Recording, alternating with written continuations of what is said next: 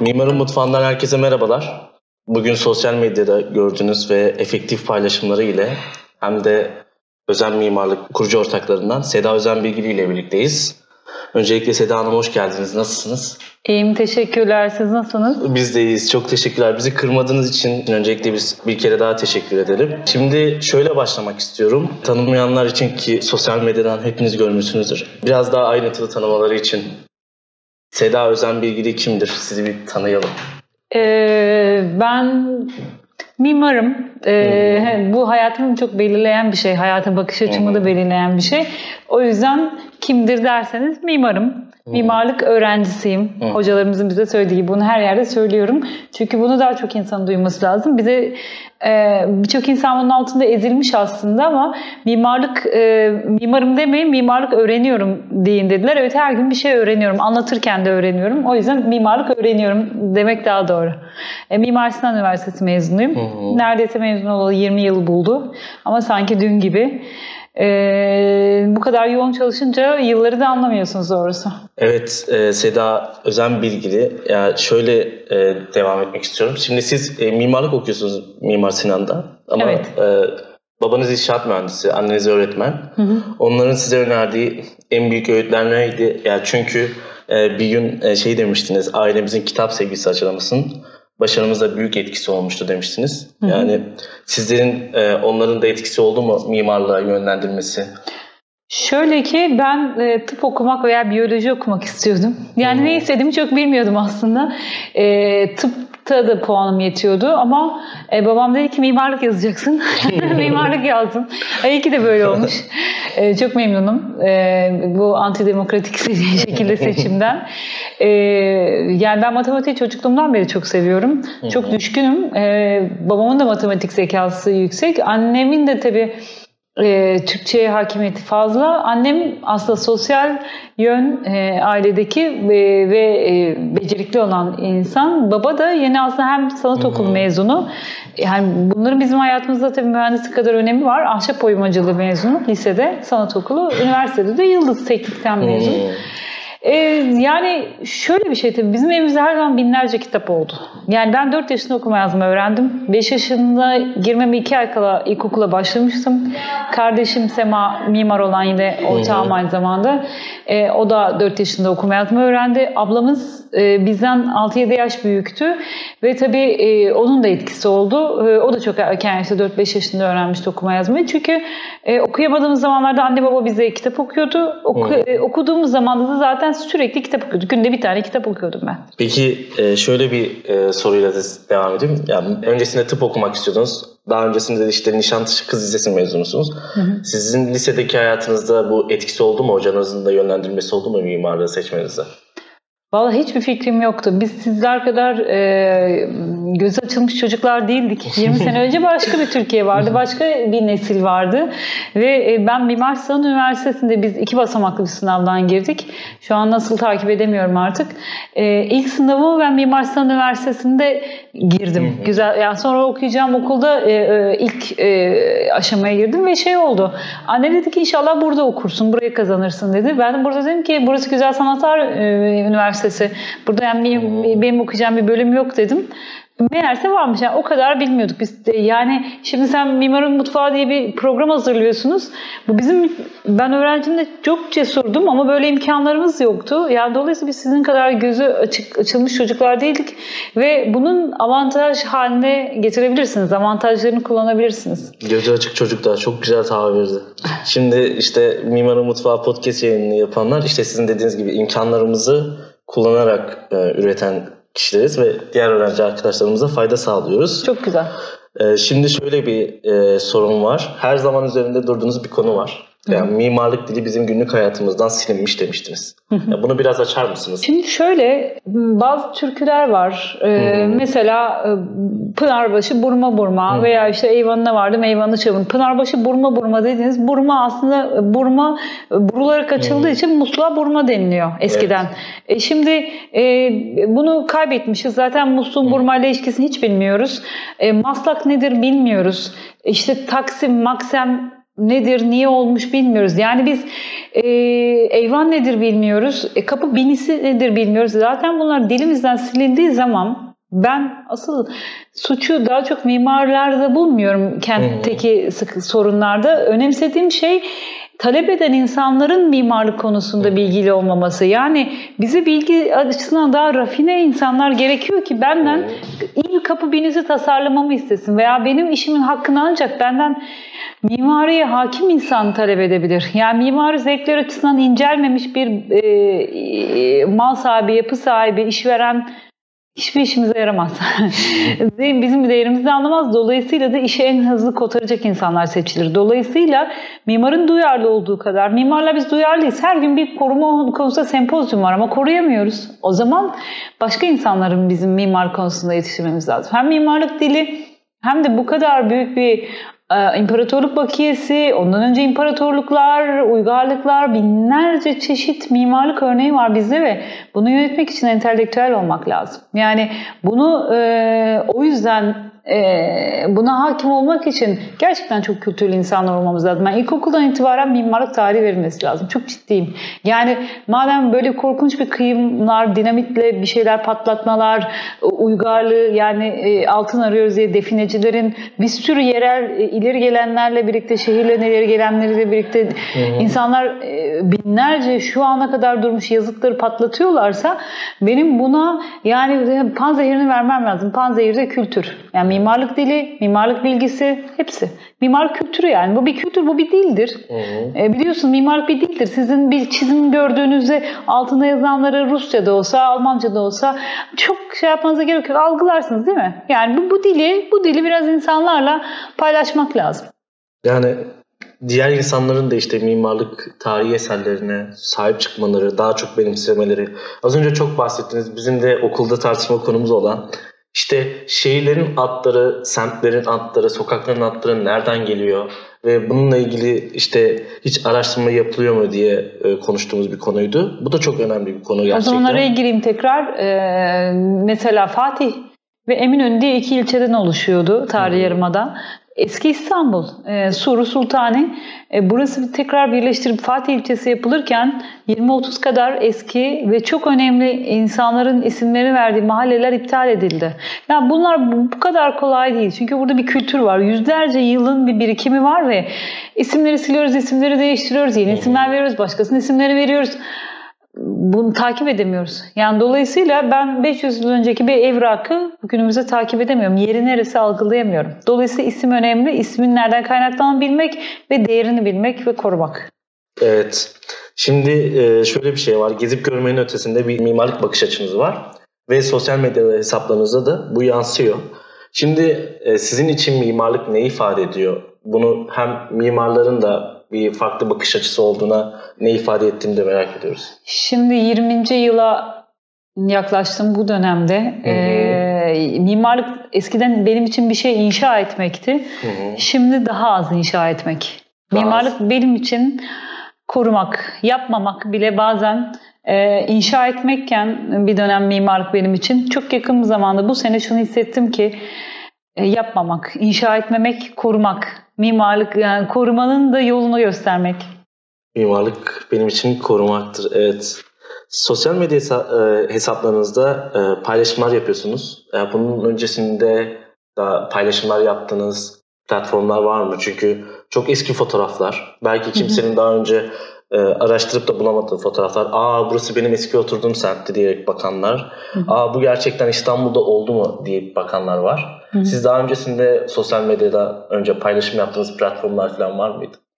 Ee, şöyle elden ele yani ben Büyükşehir Belediyesi'ne girdim e, mezun olduğunda bir süre Topkapı Sarayı'nda çalıştım kısa bir süre 3 ay kadar bir kazının çizim vardı o bitince Büyükşehir Belediyesi'ne girdim tarihi yarımada'nın planında imar planlarında çalıştım koruma amaçlı ve envanter oluşturdum Büyükşehir Belediyesi'ne ait olan değil ancak ee, dışarıdan kendi imkanlarımla işte Alman Arkeoloji Enstitüsü, Milli Rönesans Merkezi, Pervitinç haritaları, e, eski hava fotoğrafları ciddi bir arşivim var. E, ama benim dışımda da o benim oluşturduğum arşiv dağıldı. Yani bunu ben dağıtmadım. Ama dağıldı ve hoşuma gidiyor. Yani e, birçok mimarın elinde benim arşivim var. E, ve artık anonim tabii yani benim değil zaten. Ben sadece toplanmasına önayak oldum. E, insanları bu haritalarını tararken yıpratmayacağıma şey yaptım. Çünkü Perviz için yayınlayıcısı asıl Milli Reasürans Merkezi'ydi. Bir kamyon dolusu işçiyi oraya götürdüm. Teşvikiye'deki Milli Reasürans binası bilirsiniz. Ondan sonra e, A0 scanner makinesini oraya taşıdım ve yüzlerce şey ve bu bir ilişkidir. Bu ilişkileri kurarak bu haritaları taradım ve şimdi haritalar bütün İstanbul'u dolaşıyor. Evet. Ha bir platform var mıydı? Hayır yoktu. Twitter benim en doğru mecra benim için. Ha, çok az e, başka şeyler hakkında yazardım. Cüneyt Özdemir diye arkadaşımın Deep diye bir sitesi vardı. E, eskiden orada birkaç yazım vardı ama o siteyi kapattı ve o yazılar gitti. Yani 4-5 Evet. yazı. Radikal'de yazmıştım bir kere. O yazıyı bulamıyorum maalesef Radikal arşivi silindiği için. Umarım bir gün Twitter arşivi silinmez. Çünkü buraya çok fazla emek verdim. Evet paylaşımlarınızdan gördüğümüz gibi ki silinmemesi lazım bir arşiv olarak. e, mimarlık öğrencinin de e, araştırıp görmesi lazım. Seda Özen Bilgili diye bakmalarını ben de tavsiye ederim. Şimdi dijitalleşen bir dünya dememe gerek yok. Çünkü artık teknolojinin en büyük ağı olan dijitalizm mimarlığı da etkisi altına aldı ki bazı mimarların bunun ne kadar gerekli ve gereksiz olduğunu tartışıyorlar. Bazı mimarlar diyerek onları ayrı bir e, kitle olarak düşünmüyorum. Çünkü bunun bir sorun olarak, tasarımda bir etkisi olarak da düşünüyorlar.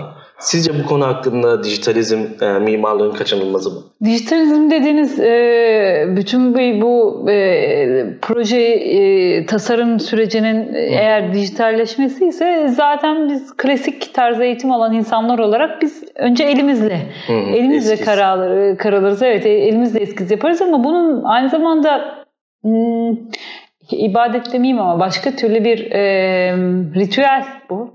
E, çünkü beyin ve el ve kağıt arasında bir koordinasyon kuruyorsun. Yani e, el aktarıcısı bunun. Fakat aktardı yani elimizle, serbest elimizle bu ilişkiyi çok daha e, doğru kuruyoruz. Yani bizim eğitimimiz böyle. Yani ben hiçbir şey yüceltmek taraftarı değilim. Mesela şey çok zordu.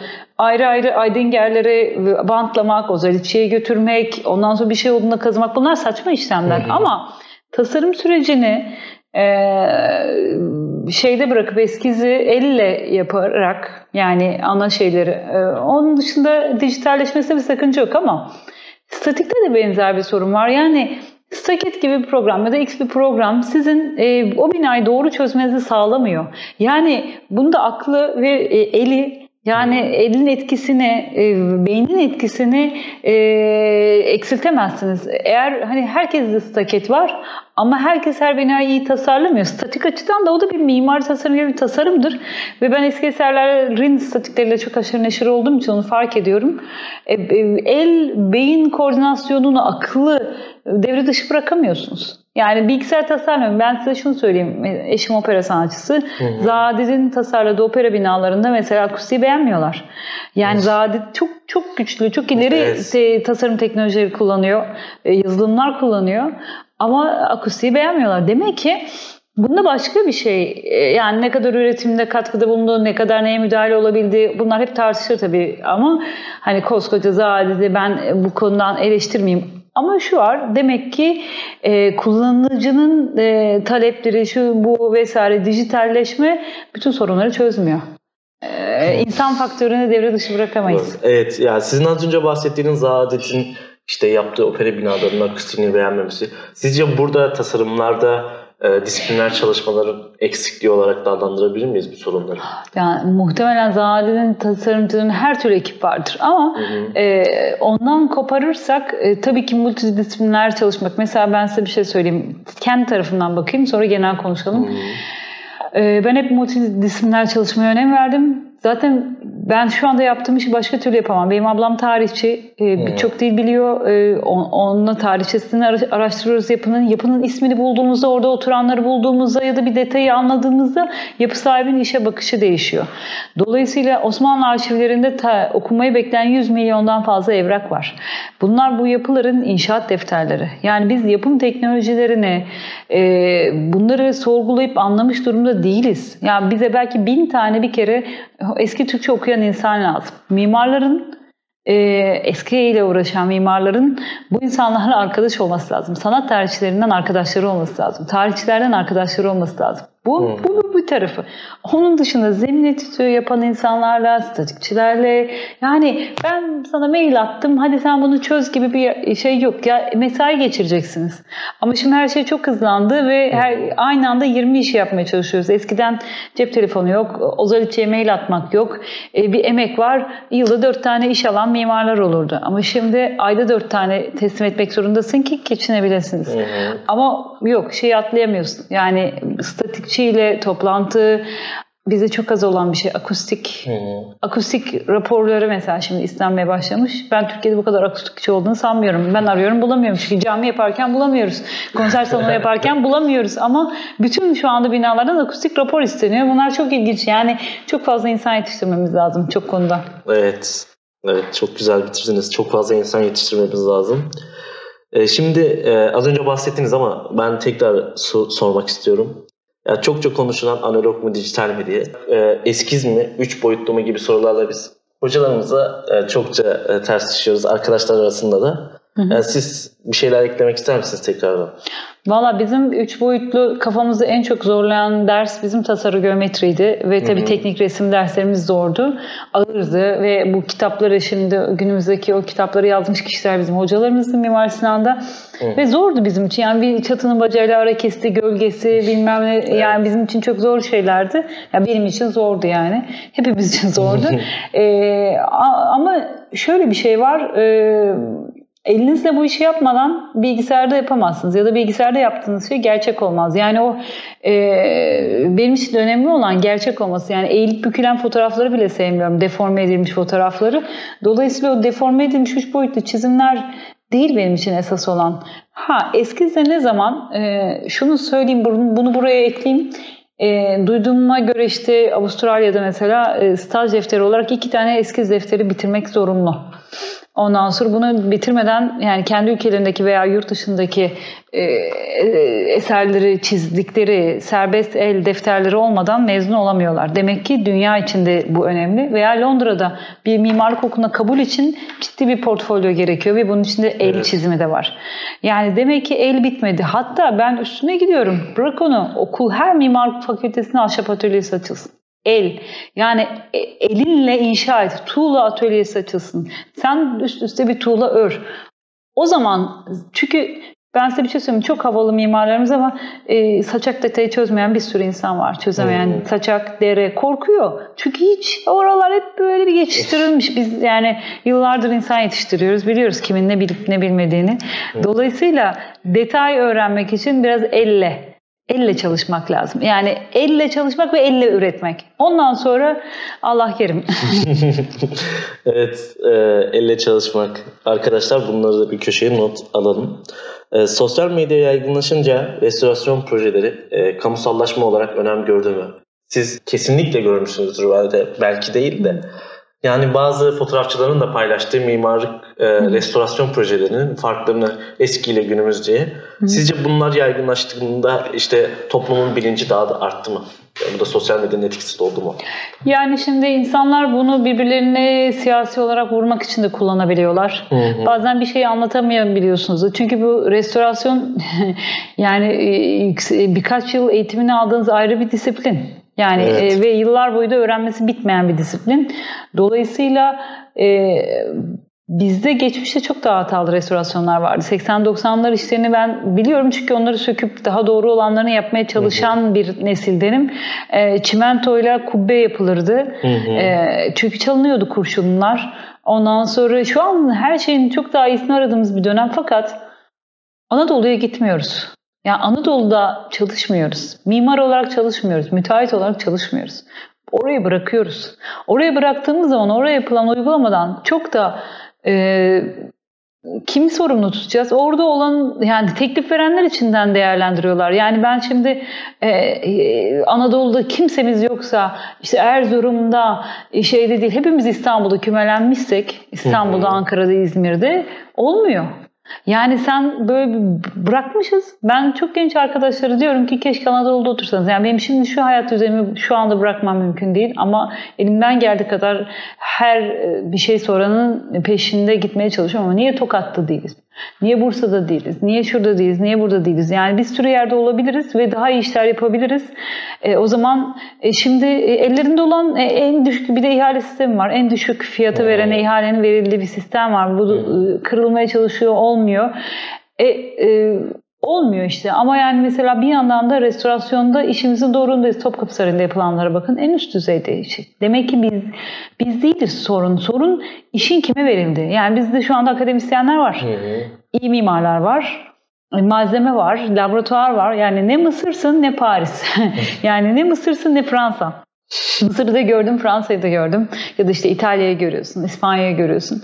E, sıkıştık kaldık İnsan kaynağımız var. Doğru insan kaynağımızı doğru yere yönlendiremediğimiz için kötü gördüğümüz restorasyonlar oluyor. Ama benim amacım onları gösterip vurmak değil. Yok her gün bir tane paylaşırım. İnsanlar da kimi benden nefret eder, kimi bayılır. Binlerce takipçim daha olur, yüz binlere geçeriz falan ama ne olur ne elde ettik? Ben kavramları öğretmeye, iyisini göstermeye çalışıyorum ki biz ne kadar zengin bir ülke olduğumuzu görelim ve sahiplenelim. Çünkü ben sizin elinizdeki şu bilekliği almaya çalışsam hep bunu söylerim e, istesem sizden bana verir misiniz? Çok önemsemediğiniz bir şeydir ama sizin için kıymetli olur. Çünkü hmm. ben onun size değerini göstermişimdir. E, evet. e, işte ama bu evleri hep biz kötü olarak görmüşüz. Hep yerden yere vurmuşuz. Hep e, gelişmenin önünde bir engel gibi görmüşüz. E, insanlar da yıkıp yıkıyorlar bunu yani. Ve bakmak çok zor. E, ama işte bu, bu biz oralarda değiliz. Dolayısıyla da Anadolu'da yapılan olan bitene de açıkçası suçlamak için oturduğumuz yerden e, çok kolay değil, çok doğru olmamalı. Yani bunun bir bedeli olmalı. Biz de oralarda olmalıyız. Şimdi biz e, çocukken aslında Sultanahmet'i hocalarımızla birlikte gezerdik. Siz de Sultanahmet'te çalıştınız. Hı hı. Şimdi hocalarımızın belki gezdirme yöntemlerinde bir eksiklik olabilir. Belki işte bakış açılarında bir eksik olabilir ama gayet keyifliydi çocuk yaşlarda İstanbul'un öbür uçlarında oturan kişi olarak bence görmemiz gereken bir bilinçti bizim için. Sizin dikkatinizi çeken ya yanlış yapılıyor ya da şöyle yapılsa daha iyi olur dediğiniz bir konu var mı? Yani şu hocalarını gezdirirken öğrencilerini. E, şu var, e, mesela Rusya'yı ziyaret ettiğimde Moskova'da mesela çocukların müzede çok ciddi not alıp veya eskiz yaptıklarını gördüm Moskova'da da. E, dediler ki bize bugün okulun ilk günü ve ilk gününde çocuklar müzeye getiriliyor ve değerli eserleri öğretiliyor. Ama bizde bu geziler okulun son zamanlarında gevşediği zaman derslerin boş zamanları değerlendirmek, e, işte dur oğlum, sus oğlum, sus kızım, sıraya gir e, gibi. Hı hı. Yani bu bizim için biraz böyle bir askeri düzende şey e, yok bu zevk alınması gereken bir iş. Yani bu, bu yani bir e, kuyumcu titizliğiyle işlenmiş eserler var karşımızda. Bir mimari süreç var. Çocukları sadece Sultanahmet'le göstermek değil. Yani başka bir şeylerle karşılaştırarak anlatmak. Biraz mimari gelişim. Yani mimari ama o zaman ne yapması lazım milli eğitimin? Öğretmenlere e, bu mimari eğitim hakkında mimarlardan eğitim aldırmalı. Yani biliyorsun seminerler vardır. O seminerlerde adam akıllı biz öğretmenlerle yani e, biraz tembelliği bırakıp biraz e, ülkemiz için mücadele edip mesela milli eğitim için gidip ben teklif ediyorum. Benim emeğim helal olsun. Yani her yere gidiyorum. Bir şeyler anlatmaya çalışıyorum. Hatta şimdi rehberler odasıyla sabah Sedat arkadaşımızla Bornavalı ile görüştüm. E, rehberleri İstanbul apartmanları konusunda mesela şey yapalım, bir tur güzergah şey yapalım, düzenleyelim dedim. Yani ne kadar çok anlatıcı, öğretici insanı tarih anlatma konusunda e, daha bir kalifiye düzeye getirirsek o kadar iyi olacak. Çünkü mesela Sultanahmet Camii'nde ben evet görevliydim ve anaokulu öğrencilerini, İspanyol çocukları, anneleri olmadan başka bir dine ait bir mabette halıya yatıp e, kubbeleri e, perspektifini çizerken gördüm. Siz çizdiniz mi Hayır. Sultanahmet'in hiç perspektifini çizmediniz. Evet. Bunu biz mimarlık öğrencilerine bile yaptıramıyoruz. Yani e, dolayısıyla e, bir, o çocukla biz biri olur muyuz? Olmuyoruz. Yani kendine güvenli ve bunu severek yapmak lazım. Yani bu çocuğu askeri düzende sus, sus diye baskılayarak beynini değil, öğren diye açarak götürmemiz lazım. Yani siz az önce de söylemiştiniz mimarlık tarihi dersini yani ilkokuldan itibaren verilmesi gerekiyor. Ve yani, hamasi değil yani evet. E, şey, çok düzgün. Ne, nereden aldık? Ya da aldık almadık bırak ortaya o kendi alır. Yani yeter ki bir çeşmenin önüne araba park etmemeyi öğrensin. Yani yeter ki musluğunu çalmamayı öğrensin. Kesinlikle. Dikkat edilmesi konu, konuların işte çocukluktan verilmesi gerektiğini Hı-hı. üzerinde bir kere daha durmakta fayda oldu. Şimdi e, şöyle bir e, soruyla devam etmek istiyorum. Yani aslında bahsettiğimiz konu işte biraz da sosyal e, anlamda gelişimdi. Sosyal proje üreten mimarlar yani ülkemizde bu konuda örnek vermek gerekirse ben de çok da araştırdığım bir konu. Çok az. Şimdi siz sosyal sorumluluk konusunda mimarların eksik olduğunu düşünüyor musunuz? Yani sosyal sorumluluk deyince bir sosyal sorumluluk projesi olarak değil. Yeni kavram olarak ortaya çıkmadı. Bayağı da eskiymiş. Yani sosyal projeler üretirken, bir binayı yaparken sürdürülebilir ya da bir binayı yaparken ya da bir restorasyon projesini yaparken sürdürülebilir olması. Yani buna önem vermede sizce eksikliğimiz var mı? Ee, şöyle bir, birkaç şey var. Birincisi ben elimizde madem bir güç var, çok fazla hmm. mimarımız var. Bin tane mimarımız yok. Yani evet. diyorum ya sıkışmış durumdayız. Yani elimizde insan kaynağı var ama yönlendirmek ve sosyal sorumluluk konusunda sosyal sorumluluk dediğiniz iki tür şey. Hı Mesela diyorum ki fakir insanlar için mimarlık hizmeti, danışma hizmeti. E, cumuk avukat atıyor insanlara. E, fakir insanlara da mimar atası, mimarlar odası. Ve bunun bütçesi gerekirse devletten karşılansın. Ama herkes için mimarlık e, ulaşılabilir bir şey olsun. Mimarlık hizmeti ve danışmanlığı. Eski eserde de keza öyle. Bunun dışında biz şey yapabilirdik. E, bir sürü çocuksuz ölen insan var. Para, mülkünü bağışlamak isteyen insan var. Bunları gördüm zamanla. Hmm. Biz bunlar için mesela Mimarlar Odası'nın teklifi götürdüm. Sözlü olarak götürdüm bir tanıdığımıza ama çok şey bulamadım. E, mesela yurt yapabilirdik. Yurt çizebilirdik. Yani bin tane mimar gönüllü bulabilirdik ve biz yurt çizebilirdik ve insanlar, belediyeler de buna destek olurdu bir tarafından. Binlerce yurt yapabilirdik. E, yani bir güç var fakat bu gücü hiç kullanmıyoruz. Yani elimizde mimarlar evet. var, mühendisler var. E ben afaki konuşmalardan, tartışmalardan, ben uygulamacı insanım. Yani hani e, e, otur, kalk, toplantı yap. Yok çözüm. Yani zamanımız çok az. Hem ömür az hem e, yapılacak iş çok. o yüzden sosyal sorumluluk derken bir de e, fakirler için mimarlık e, diye yurt dışında çok fazla Afrika'da var, Brezilya'da var, çok çok fazla ülkede şu anda fakirler için mimarlık projeleri yürütüyorlar insanlar. Çin'de hmm. var. Biz bunu yapamadık. Yani imeceyi arttırmamız, imece sözcüğünü hiç unutmayın. İmeceyi evet. arttırıp e, fakirler için mimarlık hizmeti götürmemiz lazım. Yani sen onu götürmediğin zaman o zaman çıkıyor karşına TOKİ. O zaman karşına çıkıyor Fikirtepe. Yani biz fakirler için Fikirtepe'yi güzelleştirebilseydik e, şu andaki canavar çıkmaz karşımıza. Evet. Şimdi e, daha öncesinde işte mimarlık okuyorsunuz ama e, belirli bir bu zaman sonra işte restorasyon ilgisi. Sizin restorasyon projelerinize e, ilginiz nasıl başladı? Bu ablanızın tarihçi olması da etkili mi bunda? Ya da ailenizin? Şimdi şöyle okulların ekolleri vardır. Herkes farklı tip mimarlar yetiştirir. Tabii yeni bütün okulları bilmiyorum ama e, bizim okuldan da kim e, mezun olursa aşağı yukarı restorasyon projesi hazırlayabilir. Çünkü bizim lisans eğitimi çok ağırdır restorasyonda. E, dolayısıyla okuldan zaten böyle bir yatkınlığım vardı. E, öğrenciliğimde arkeolojik kazılara gidip kazı çizimleri yaptım. Oradan Topkapı Sarayı'na gidip kazı rölevesi yaptım. E, belediyede çalıştım ve birden karşıma şey teklifi geldi. Yeni e, belediyeden ayrılmak üzereydim. Yeni cami minarelerinin çizimi. Hmm. Onu çizdim. İlk defa Türkiye'de minare projesi çizilmişti, onaylatıldı. 20'li yaşlardayız. Kız kardeşimle çizdik çok düşük imkanlarla. Ee, hmm. Ee, ve ondan sonra Sultanahmet geldi. Bu, bu camilerin arasında e, bir iletişim vardır ya da bu sosyal e, doku arasında Eminönü içinde filan Tahtakale Eminönü hmm. içinde. Burada bir şey söyleyeyim. Duyacağınız bütün şeylerden e, başka bir öğüt. Bunu ilk defa söylüyorum.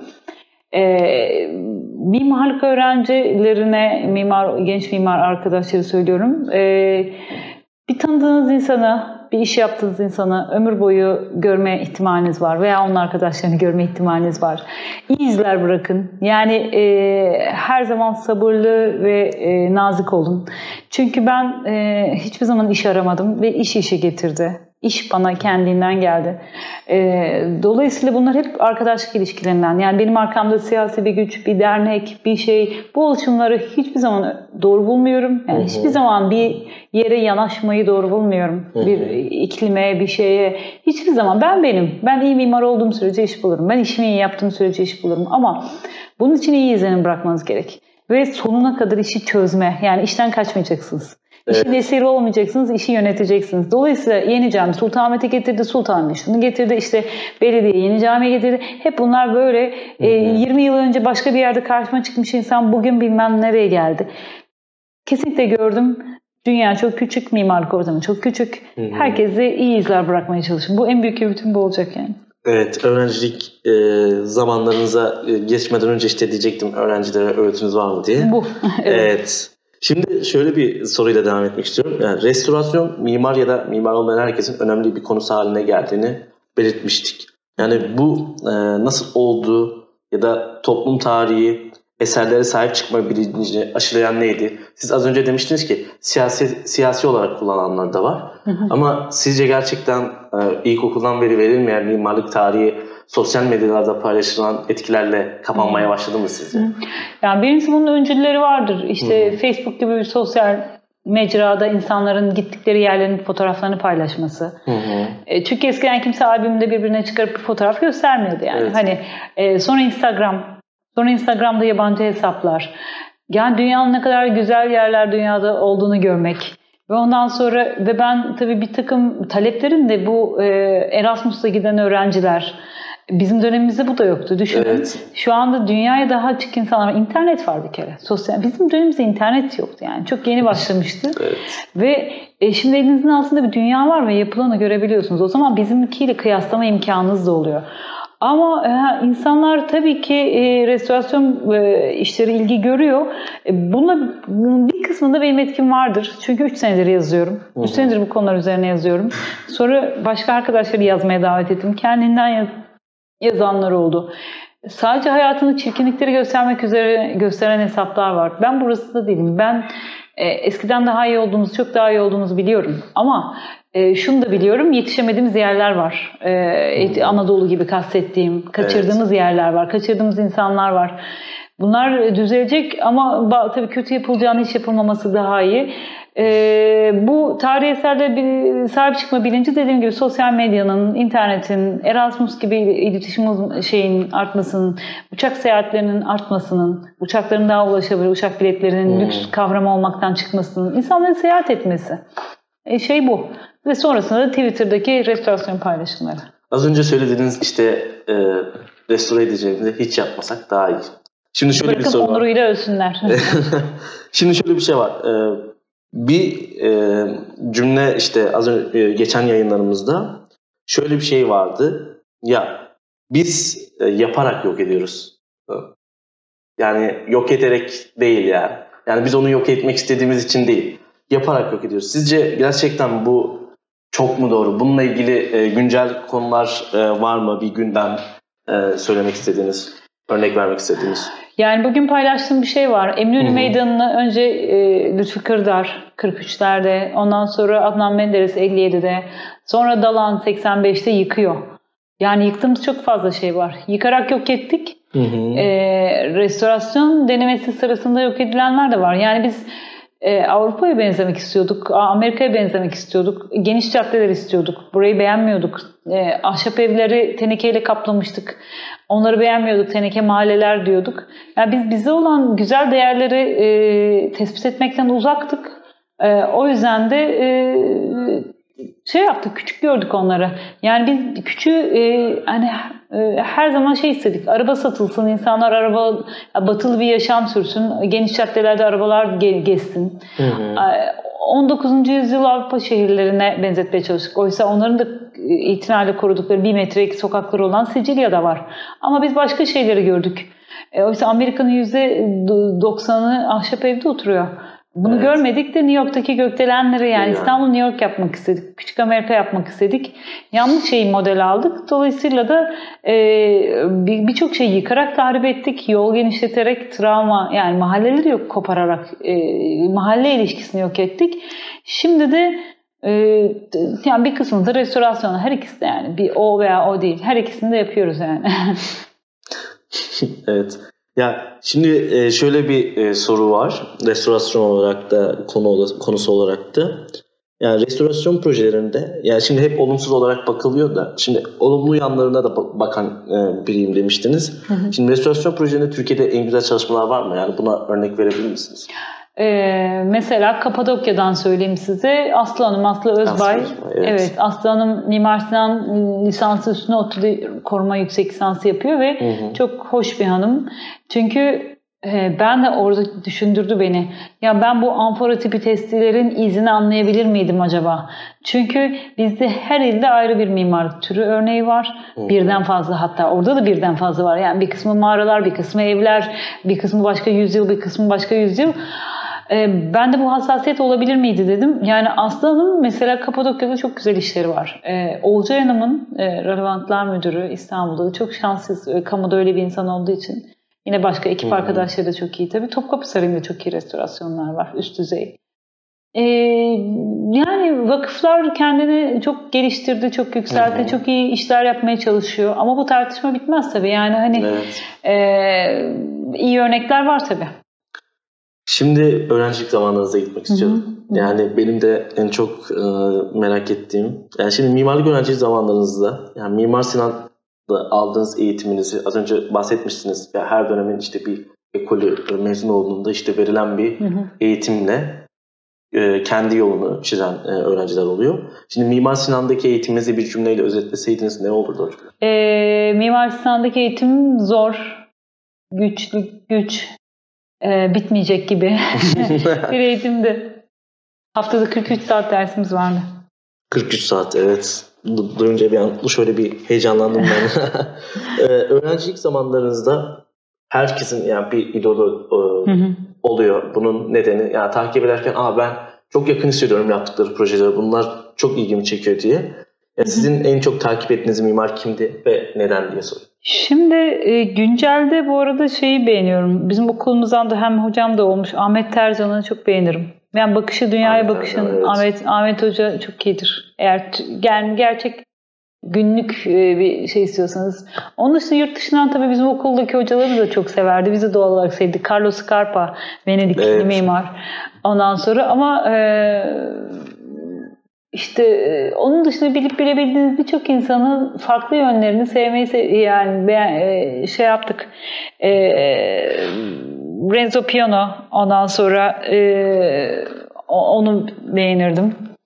Ama dediğim gibi yani hiç kimsenin e, şu kafanızdaysa eğer hiçbir zaman kopya çekmeyeceğim. Kendime özgü, kendime az bir şey çıkaracağım dediğinizde hiç kimseye birebir çok derinlemesine hayranlık duymamak gerekiyor. Çünkü kendinize özgü, e, yerele özgü e, ve çağınıza özgü bir iş yapmak istiyorsanız birçok birçok geniş bir skalayı takip edip ondan sonra sizden yeni bir ürün çıkarmak gerekiyor. Yani dolayısıyla hiç kimseye tutkun değilim genel olarak. Ya bu da çok güzel bir tavsiye oldu aslında işte kendinizi bir yere bağlamak değil de geniş bir Skaladan beslenmek olmalı. evet. Ondan sonrasında onlardan aldığınız parçaları birleştirerek ya ben de Çünkü mimarlık bir gelişimdir. Onlar da bir yerlerden Hmm. esinlendi. Ya çok kendine özgü insanlar var Gaudi ama onun da aldığı bir Evet. mimari var. Doğa mimarisi. Hmm. Yani o da doğadan aldı. Hmm. E, yani kim kimden ne kadar etkilendi işte Mimar Sinan Ayasofya'dan etkilendi ama bambaşka işler yaptı. Hmm. Yani şimdi bir, hiçbir zaman eğer dürüstçe kopya çekmeyeceğim gibi bir Hmm. e, düsturunuz varsa beslenmek e, ama menba yani menbaasizsiniz. Yani sonuçta herkese çok geniş kim ne yapmış eski yeni e, hepsine bakıp e, ben taklit işleri sevmiyorum. Eskiye yeniye bakıp işte evet. Sizden almanız. ve dönemine yerine e, karşınızdakinin bütçesine göre e, yani onlara göre yeni bir şey çıkarmak. Bir mimarlık öğrencisi karşınızda olsa tavsiyeniz ne olurdu demiştim. Ee, Öğrenciliğinizde Evet. çalışın derim bir de. Evet. Bir de öğrenciliğinizde çalışın derim. Sizin yaptığınız gibi şimdi. Evet. Çünkü öğrencilikte e, para beklentisi, maddi beklentisi daha düşüktür. Tecrübeyi öğrencilik sırasında edinmek, aynı anda iki işte çalışmak hatta, e, ondan sonra bir iş, iki iş. E, acemilik dönemini öğrencilikte atlatmak çok önemli. Mutlaka çalışmalarını öneririm öğrencilikte. Evet az önce de önerdiniz. İşte e, okulda e, ya da mezun olduğunda kimle çalışırsanız çalışın, işinizi güzel yapın. Bu Karşınıza hep çıkacak. çıkacaktır. İşinizi bitirin, korkmayın ee, ve iş yanından çıktığınız insanlarla da saygılı bir şekilde ayrılın. Hı. Kötü izler bırakmayın, insanların işlerini yarım bırakmayın, hayatlarını yarım bırakmayın. Çünkü e, bu mimarlık ortamı her zaman çok küçük ve Hı. karşılaşıyorsunuz. Yani ben ah iyi ki bu kadar sıkıntı çektiğim işte bile çok terbiyeli bir şekilde bunu bırakmışım ya da bitirmişim ya da sonuna kadar devam etmişim, sıkmışım dişimi dediğim işler oldu. Çünkü olmadık bir zamanda karşınıza çıkıyor insanlar. Evet. Bir yemekte bile karşınıza çıkabiliyor. Dolayısıyla huzurlu olmak için hep insan ıı, dikkatli davranmak lazım. Evet. Ya şimdi mimarlık öğrenciliği zamanı demişken yani mimarlık okurken herkesin yaptığı hatalar oluyor. Ya Hı hı. bu yapmamızın nedeni hatalar yaparak öğrendiğimizi Hı hı, ve her zaman öyle öğrenebileceğimizin bir metot olduğunu söylüyoruz. hı hı. Sizin işte mimarlık öğrenciliğiniz zamanınızda en sık yaptığınız hata neydi? Ya da bunu yapmasaydım dediğiniz bir şey var mıydı? Ya da bunu yapmayın öğrencilere bir tavsiyem. Kesinlikle şöyle bir yol izleyin falan diye. En sık yaptığım hata neydi? Valla bizim hata değil ama bizim dönemimizdeki bir eksiklik cephe tasarımı yapmamaktı. Hı hı. Yani e, ben bol bol öğrencilerin cephe çalışmasını Hı hı. öneririm. Çünkü en e, hatta tarihi dokuda cephe, yeni cephe tasarımı. Bizim mesela hata dediğim değil de eksiklik biz çok plan çözerdik. E, şimdi isterdim ki hani daha fazla cephe çalışayım. Cep- Yani gerçekten öğrencilik dönemlerinde en çok ilerletecek şeyler. Yani cephe en sona kalırdı Ee, ve bu şehri de çok etkileyen bir şey. Çok çeşitli Hı. türdeki binalarda ben olsam cephe çalışırdım ve bunu bir arkadaşlarım için de bir yarış haline getirirdim. Çünkü en büyük eksiklik bu. Şimdiki eğitimi bilmiyorum ama 3D de bunun karşılığını vermiyor. Yani yok. Yani gerçekten ayağı yere basan cepheler. Hı. Apartman cepheleri, yüksek yapı cepheleri, işte ben yüksek yapı hiç yapmadım ama tarihi dokuda yeni yapı cepheleri, yani bunu talep etmek lazım veya bunu sunmak lazım. Çünkü bunu sonradan edinemiyorsun. Ya bu, Hı. ne varsa öğrencilik sırasında edinip üstüne konuluyor. Evet. Şimdi benim de e, her seferinde dile getirdiğim öğrenci yarışmaları yani mimarlık öğrencilerin hayatlarında çok önemli. Hı hı. E, Sizce e, bu konuda e, mimarlık öğrencileri yarışmalara işte önem vermeleri gereken yani daha öncesinde yaptığınız ya ben bunu yaptım yarışmalarda deneyimledim ve bu benim için çok büyük artı olduğu dediğiniz bir şey var mıydı? Çünkü yarışmaların önemini herkesin böyle tek tek dile getirmesini istiyorum yani. Hı hı. Ee, ben size daha ilginç bir şey söyleyeyim. O zaman az önceki hata neydi dediniz. Biz hiç yarışmaya katılmadık. Çünkü bizim dönemimizde yarışmada yoktu. Ama ben 20 yıl önce mezun oldum. Ve ben şimdi e, ekoller vardır. Bu ayıp değil. Ben bu mesleğin birçok noktasını e, ele alıyorum. Ama hiç girmediğim taraflar var. Mesela yarışmalar. Hı hı. Ee, yani o, o başka bir şeydir. Mesela bizim okulda maket de fazla yapılmazdı. Hani bu okulların ekolleri vardır. Bizimkiler çok fazla tarihi dokuda proje ve e, restorasyon üzerine yoğunlaşırlardı. E, veya işte mimarinin gelişimi, Sinan veya mm, mimar tarihi üzerine, resim tarihi üzerine bile çok ciddi bir eğitim aldık. Ama mesela yarışma, yarışmacı insanlar değiliz. Var içimizden çıkan insanlar var.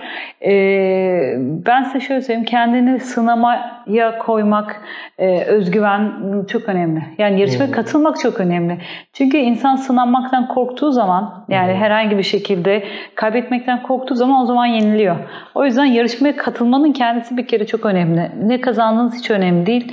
Ee, o belirleyici değil. Yani yarışmanın çünkü jürisi dünyanın en iyi e, mimar kriter değiller ki. Yani hani Hı, kimse kimse evet, kimse evet. değil. Yani o onların ekolüne, okullarına, bakış açılarına e, çok Hı. şeye göre değişir. Karşınızdakiler önemli ama önemli olan sizin yarışmaya katılma, kendinizi sınama şeyiniz. Tabii Bunu hayatı da kaptırmamak lazım. Yani sadece yarışmacı mimarlar var. Ben onu da doğru bulmuyorum. Hı. Yani insan çok şeyden beslenmeli ama yarışmalar hayatında olabilir. Bizden önce daha çokmuş.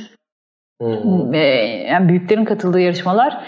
Bizim dönemimizde hem ulusal anlamda yani hem öğrenci hem öğrenci olmayan profesyoneller için yarışmalar yoktu neredeyse.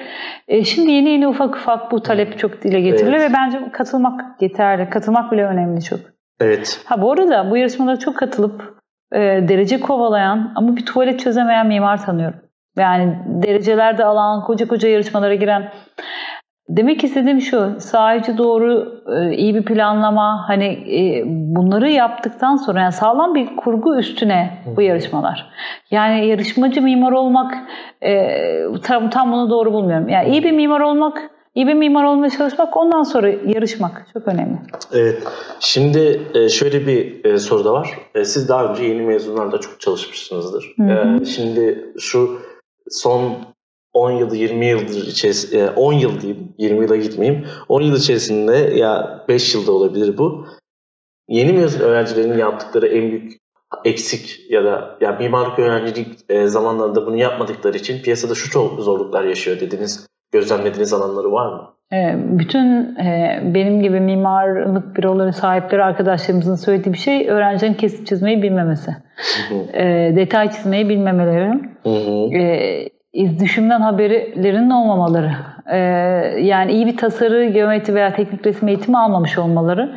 İkincisi zaten bizde e, sanmıyorum ki öyle öğrenciler çalışsın. Öğrencilerin ödevlerini profesyonel büroların yap, yapıyor olması veya maketlerini. Bu zaten skandal yani. Bu artık başka bir mecraya giriyor. Ben hiç onlara rastlamadım umuyorum.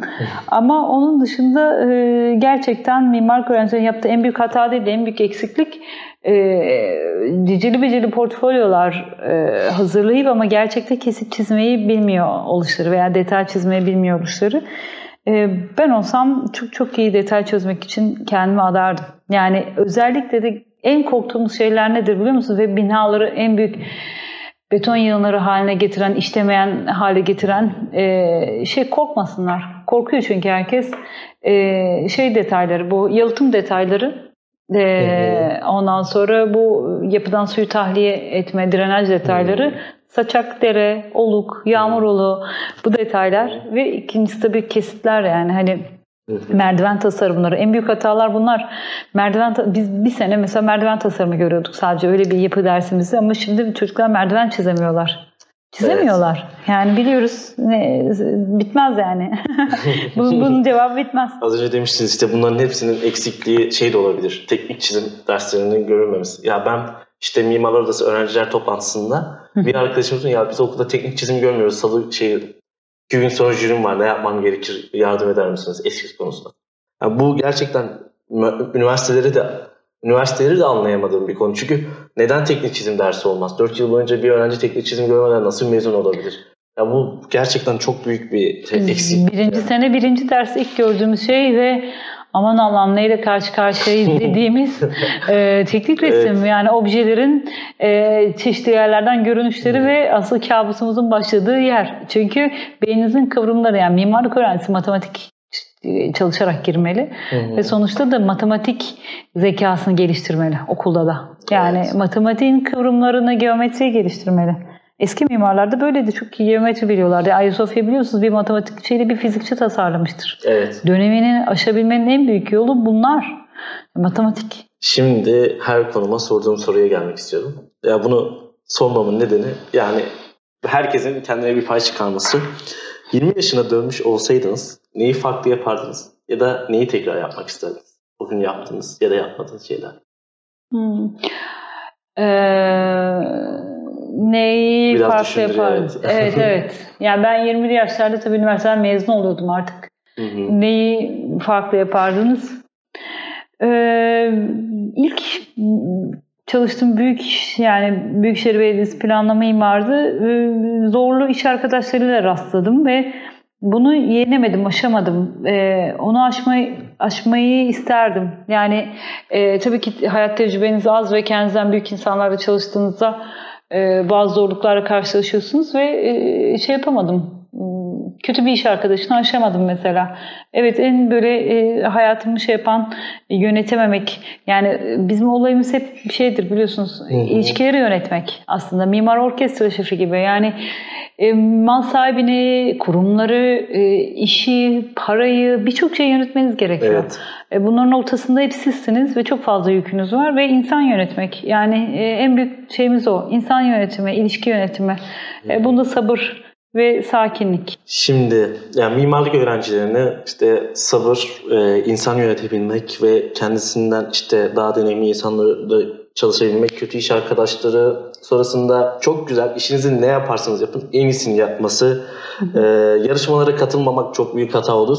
Hı hı. E, şimdi şöyle bir e, öğrenciler e, biraz da kişisel gelişim olarak da takip etmeleri gereken e, kitaplar, dergiler ve filmler olması gerekiyor. Bu bazen hocalarımızın önermediği şeyler oluyor. Hı. Ya ben çünkü e, e, daha öncesinde konuştuğumuzda işte Game of Thrones'u e, önerenler, oradaki mekanları e, işte gözlemlememizi önerenler olmuştu. Yani sizin burada e, önerebileceğiniz e, mimarlık öğrencilerine bir kitap, bir film önerisi olsaydı ne olurdu?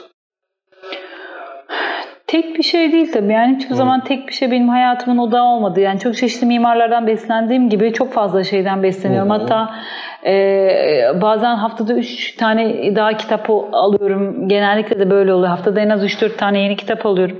E, tek bir şey değil. Ben e, geleneksel... Ha şunu söyleyebilirim. Hüsrev Hoca'nın geleneksel yapı sistemleri hakkında iki ciltlik bir kitabı var. Onu öneririm. Yani çünkü 30 çeşit duvar tipini görüyorsunuz. Ne kadar zengin bir mimarlık e, e, şeyde yaşıyoruz. 30 çeşit harpuştu örneğini görüyorsunuz.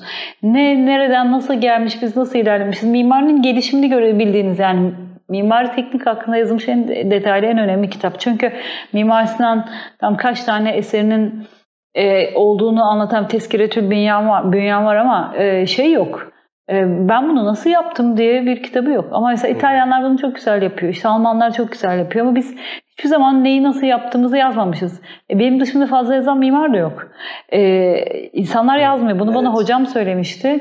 E, biz e, evet bir takım konuşmalar oluyor ama işte Emre Arolat şurayı nasıl tasarladı? Biz bunu anlaşılır şey diliyle, günlük sade bir dilde yani şey Hmm. kavramlarla değil, kapalı yeni yabancı kavramlarla değil de hani sade bir duru bir Türkçeyle insanlar neyi nasıl yaptı veya nasıl şeylerle zorluktuk. Yani bunların yazı, yazı yazılmıyor yani. Yazılması Hmm. lazım. Ha ama şunu söyleyeyim. Evet Hüsrev Hoca olabilir. Filmde benim öğrencimden izlediğim filmdeki Dokuyu çok severim şey e, Il Postino postacı. Hmm. ondan sonra onu severim. Onu söyleyeyim. Ee, yani genelde Avrupa filmlerine bakarsanız ya da yani çeşitli nitelikli filmler e, orada çok fazla mimar detay görebilirsiniz. Yani bizim işimiz görmek göz yani, gö, yani sürekli şey yapmamız lazım. Hem Anadolu'yu hem şeyi görmemiz lazım. Ee, Eski İstanbul'da her şeyi de ya oturduğunuz yerden de görebilirsiniz. Artık internet çok adaletli bir şey. Size her şey gösteriyor. Yani Evet. dolayısıyla çok şey. Tek bir kitap, tek bir film bunlar mucize değil ama Hüsrev Hoca'nın kitabı çok zengin bir kaynak. Onu tavsiye ederim. Filmde de dediğim gibi Il Postino olabilir. Evet. Şimdi e, şöyle bir sorumuz var. Ya bunları bu soruyu sormamızın nedeni yakın bir e, tarihte işte bu kavramların hepsini sosyal medya hesaplarında aynı zamanda işte tasarımsal olarak da düzenleyip paylaşmak istiyoruz. En sevdiğiniz e, mimarlık kavramı nedir? Koruma. Koruma. Evet. Çünkü Hızlı e, koruma niye koruma? Çünkü e, bakın şu anda yaşadığımız dönemde e, böyle bir kaygım var. E, şu ana kadar binlerce yıldır yaşamış olan mimari tekniklerin iflas ettirdiğimiz bir dönemdeyiz. Yani mesela e, Türkiye'de belki 100 çeşit mimarlık örneği var. İşte Diyarbakır evi var, Kayseri evi var, Tokat evi var, Bağ evi var, işte Dağ evi var, e, Çanta evim var filan falan. E, şimdi biz bunların hepsinin yerine tek bir model koyuyoruz. Betonarme hı. apartman, betonarme ev koyuyoruz. Dolayısıyla e, korumadan e, bunun daha iyisini geliştiremezsiniz. Yani her zaman bu modeller binlerce yılda birbirinden alarak gitmiş. Hı hı. Buna biz şu anda bir set çekiyoruz. Doğa, doğrusu e, mimarini korumak ve yeni güncel örnekler. Kopyalamak değil. Hiçbir zaman kopyalamak değil ama mesela Almanya'da bakıyorsun bir çanta evin içine çok modern bir dekorasyon yapıyor. Bizde kadınlar konfor istiyor mesela köyde işte. Çünkü televizyonda şey görüyor. İstanbul'daki yaşam böyle. Ya da İsta- İstanbul'da zaten çoktan göçmüş. Yazın bir ay gidiyor ve ne yapıyor? O köhne tırnak içinde söylüyorum köhne evde yaşamak istemiyor. Ne yapıyor? Seramikli bilmem neli bir şey istiyor. O zaman ne yapıyor? Betonarme bir bina yaptırıyor, inşa ettiriyor. Çünkü onu yapacağı usta da kalmamış, imece de kalmamış, mimar da yok ortada. Sen Kastamonu'da var mısın? Yoksun. Ben yokum. E, gitmeye çalışıyorum artık. Bir şeyler yapmaya çalışıyoruz ama işte Tokat'ta var mısın? Yoksun. Çankırı'da var mısın? Yoksun. O zaman senin yerine ne var? Kalfa var, müteahhit var. Onun Evet. yaptığı en kolay ve mimarsız mimarlık hizmetleri betonarme. Böyle. O yüzden koruma. Evet. Güncel konular hakkında sizi çok yakın bir tarihte üzen gündem var mı? Var var çok güzel bir şey var. Bunu her türlü bakanlık düzeyinde de söylüyorum. Her yerde söylüyorum. Yazacağım, çizeceğim. Ee, Kastamonu'nun mesela mimari mirası yağmalanıyor. Yani marang, kendi marangozların eliyle e, yüzlerce yıllık konaklar sökülüyor ve İstanbul'a işte kapı, pencere, işte yani pencere değil de kapı, mutfak dolabı, e, sehpa gibi olmak üzere hem taşıyıcı sistemleri hem şeyler e, hmm. ürünler kündeker kapaklar falan yağmalanıp işte Alaçatı'da burada Çukurcuma'da satılmak üzere geliyor hmm. ve çok üzülüyorum buna. Gerçekten bunu yağmayı durdurmamız lazım çünkü yok pahasına yani mesela şu an yüz binlerce lira yaptıramayacağınız bir e, yapı 5 bin liraya satılıyor, satılıyor. mesela. Evet. Çok üzücü bir şey ya. İşte. Evet en, en çok üzen şey bundan daha önemli bir şey. Çünkü ben diyorum ki mesela bu depremden dolayı İstanbul'u e, boşaltmak kolay değil. İstanbul'u boşaltmadan dönüştürmek de kolay değil.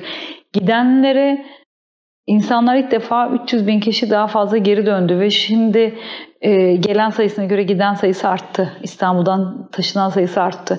Bunların nereye nasıl gittiğini örgütlemezsek e, bu sefer oralar yağmalanmaya başlayacak ve bu yağmalanmaya başladı zaten. Durum bu. Son olarak eklemek istedikleriniz var mı? Öncelikle bizi kırmadığınız için tekrar teşekkür ediyorum. Hı, ee, ne demek? E, bu soruyu sormadan önce bu teşekkürü ileteyim. Çok güzel bir yayın oldu. Bunun devamlı geleceğinden de eminim. Belki ikinci serisi, üçüncü serisi diye. Ee, şimdi işte son olarak öğrencilere de olabilir, mimarlara da olabilir. Gerçekten işte kamusal olarak da sahip çıkma bilinci de olabilir. Hı. söylemek istedikleriniz neler olurdu? Çok çalışmak yani bu topraklarda e, birincisi çok çalışmamız lazım. İkincisi birlik olmamız lazım. Yani bireysel bir mutluluk yok, bireysel bir başarı yok.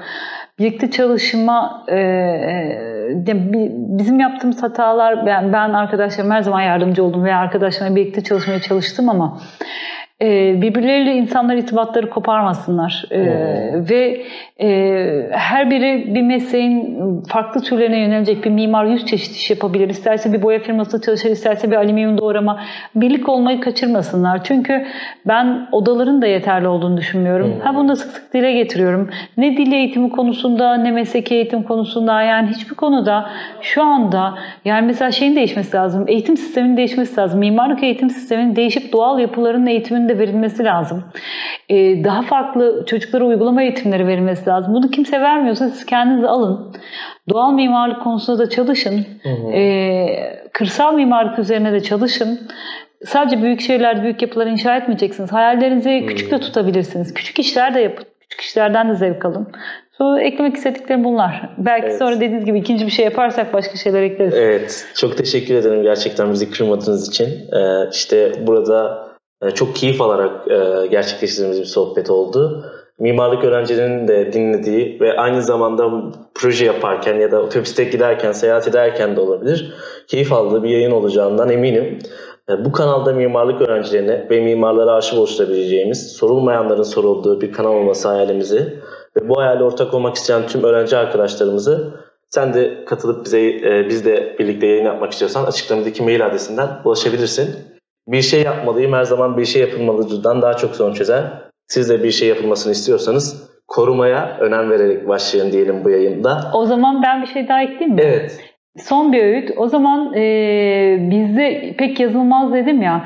Çeşitli illerdeki arkadaşlarımız acaba çevrelerindeki duayen mimarlarla konuşmayı birer görev edinebilir mi? Acaba öyle bir şey istesek. Çünkü bazı şeyler konuşulmuyor ve kayboluyor. Evet. 80'li 90'lı yaşlardaki evet. mimarlarımızı konuşurlarsa e, zenginleşiriz. Çünkü benim ona tanışma ihtimalim yok ama e, evet. belki bu vesileyle tanışırız. Çok güzel oldu gerçekten. Çok teşekkür ederim. E, bu konuda e, işte öğrenci arkadaşlarımıza sorumluluk bilincini de arttıracak bir konu. Çünkü biz ben bölüm başkanımla birlikte röportaj yaparken ya gerçekten çok kıymetli, çok önemli e, mimarlar var ama hiç ses kaydı bile alınmadan yok olup gittiler dedi. Yani bu bizim için bir sorumluluk çünkü ilerleyen zamanlarda yeni nesil olarak gelen mimarların geçmişteki mimarlardan neler yaptığını, işte birlik olabilmeyi, e, sahiplik e, bilincini nasıl aşılandığını, o zaman eğitim sistemi nasıldı, daha iyisini nasıl yapabiliriz? Neyi neye yapamadık? Yani çünkü biz 1960'lara kadar çok iyiydik. Biz hmm. dünya ile eşittik. Biz şimdi neden dünyadan geride kalıyoruz? Biz neden Afrika'dan bile geride kalıyoruz? Evet.